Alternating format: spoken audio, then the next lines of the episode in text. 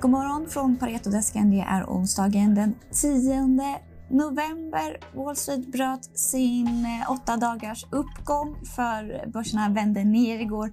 S&P förhandlingshängde på minus 0,4 procent och Tesla fortsatte backa efter att Elon Musk gjort sin Twitteromröstning och frågat om han ska sälja 10 procent av sitt innehav. Vi har också fått uppköpserbjudande i ICA. Fredrik Moregård, vad, eh, vad är det för nyhet som har kommit? Eh, det är ICA-handlarnas förbund och AMF som kommer med ett kontantbud på ICA eh, på det är en 11 i premie mot gårdagens stängningskurs. Eh, ICA-handlarnas förbund är ju största aktieägare redan i ICA-gruppen. De äger 54 och nästa, näst största ägare i Spiltan på 2,5% Så det är ju den, den stora, tunga huvudägaren som kommer med ett, ett utköpserbjudande som sen rekommenderas helt av, av styrelsen i ICA-gruppen också. Mm, så ICA kommer försvinna från börsen? Eh, sannolikt, eh, får man väl säga. Eh, nu följer inte jag ICA, så jag kan inte hävda att jag är en expert på området, men, men eh, det känns ju spontant som att det sannolikt går igenom. Mm. Vi ska prata Linas eh, matkasse också, eller LMK Group mm. som eh, det heter. Släppte en rapport igår som var, den var inte dålig men aktien föll trots allt. Vad eh, beror det här på tror du? Ehm, jag tror att det fortfarande finns en stor rädsla och skepticism i marknaden kring huruvida dels milkitmarknaden överlag i, i Skandinavien kommer fortsätta att ha tillväxt. Eh, och Det andra då är ju att eh, man har en stor spelare, HelloFresh, som kommer in i marknaden, har gjort det fantastiskt bra i, i andra delar av världen, kommer in i Skandinavien, gick in i Norge nu under Q3. Eh, och jag tror marknaden är rädd helt enkelt att de ska svälja äta upp Linas eller LMKs kunder helt enkelt, deras kundbas. Det ser vi inte i det tredje kvartalet. Då har HelloFresh varit i Sverige under en ganska lång tid. Eh, LMK fortsätter att, att växa. De växte 8,4% organiskt. Det var lite lägre än vad vi hade trott att de skulle göra, men ändå tycker vi att det är en stabil eh, rapport där de, de visar att de kan fortsätta växa trots att pandemin såklart hjälpte dem föregående år. Eh, mm. Nu har det varit ganska begränsade restriktioner under det tredje kvartalet. Eh, men de fortsätter ändå att, att växa, vilket vi tycker är, är eh, ja, ger utrymme för optimism helt enkelt för framtiden också. Mm, men så det finns en skeptism mot mealkits, men marknaden mm. växer på bra.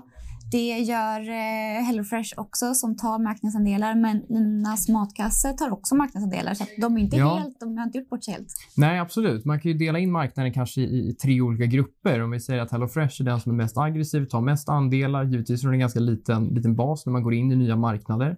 Eh, och sen har vi LMK i, i mitten här som, som eh, de växte sin kundgrupp eller sin kundbas ungefär 4% år över år.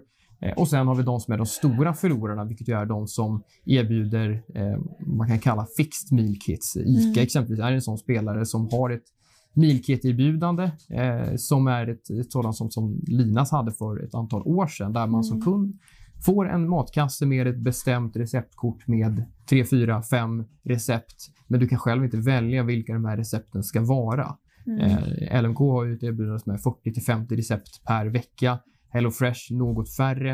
Eh, men det är ju de spelarna som har det flexibla erbjudandet som, som faktiskt kan fortsätta växa medan de gamla spelarna eh, antingen eh, försvinner från marknaden eller, eller tappar ganska stort helt enkelt. Mm. Bolaget har ju en väldigt låg värdering, men förutom den låga värderingen, vad ser du för drivare i eh, caset? Vad gör det här till en köpvärd aktie?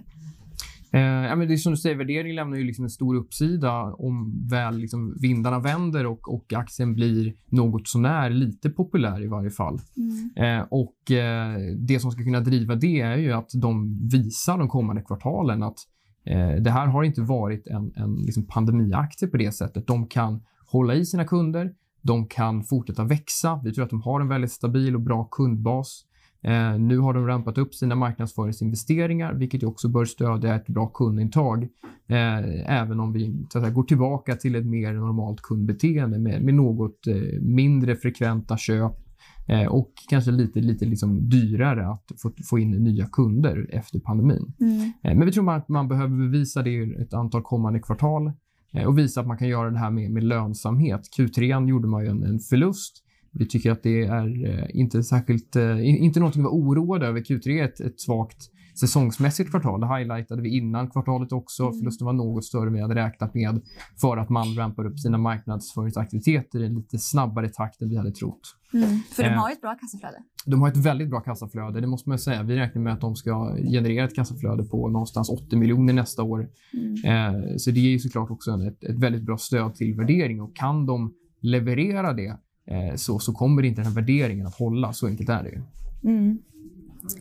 Och eh, vi som sagt är ett, billigt tillväxtbolag på börsen. Ja, Vad, vad skulle du säga att riskerna är, på nedsidan? Vad är det marknaden är orolig för? Nej, men det är det som vi pratade om tidigare. Att man i sådana fall överskattar den totala milkitmarknaden. Vad kommer den långsiktiga penetrationen i det här bland skandinaviska hushåll att vara?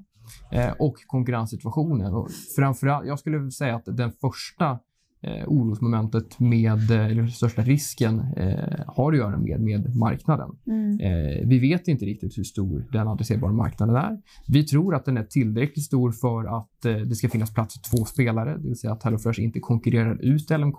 Vi ser inte några sådana tecken i siffrorna heller, utan vi tror att det finns plats för, för två spelare eh, Mm. i, i de här marknaderna. Hur är körnen i LMK jämfört med HelloFresh? De redovisar inte körn på det tydliga sättet, eh, egentligen eh, varken HelloFresh eller, eller LMK. Eh, så det är lite svårt att, att eh, nyckla ut. De redovisar liksom nettokundintag. Mm. Eh, men generellt sett så är ju körningen ganska hög i Mealkit-modellen initialt. Eh, man kan tänka sig att någonstans eh, 80% av kunderna eller liknande som, som kommer in körnar inom eh, tre månader.